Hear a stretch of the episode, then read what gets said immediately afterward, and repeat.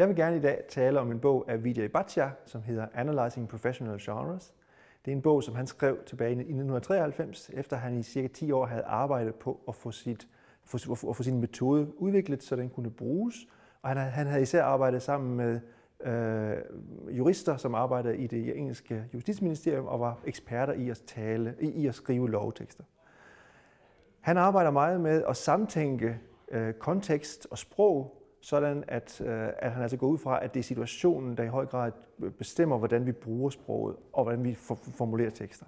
Og det er jo en smart måde at arbejde på, når man vil arbejde med retslingvistik. Noget af det, han især arbejder med, er, de, er den professionelle kontekst, altså de faktorer, der kommer ud af, øh, ud af den situation, som, ud af den faglige situation, som man arbejder i, at man altså for eksempel skriver engelske lovtekster anderledes end danske lovtekster, fordi det engelske retssystem er anderledes. Det er en bog, der er interessant og god at bruge, fordi den er meget praktisk orienteret. Den fortæller præcis, hvordan man skal arbejde med de her ting.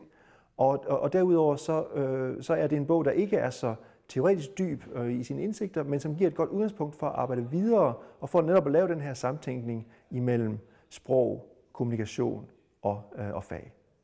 Min personlige oplevelse af, af bogen var, at den var rigtig spændende at arbejde med. Den er, den er relativt let at læse igennem, fordi man meget hurtigt får en fornemmelse af, hvad det her går ud på. Han er, han, er, han er meget god til at fortælle øh, anvendeligheden af de ting, som han arbejder med. Så det giver en god fornemmelse på den måde, en god, en god indsigt, en god oplevelse af, at det her det er spændende.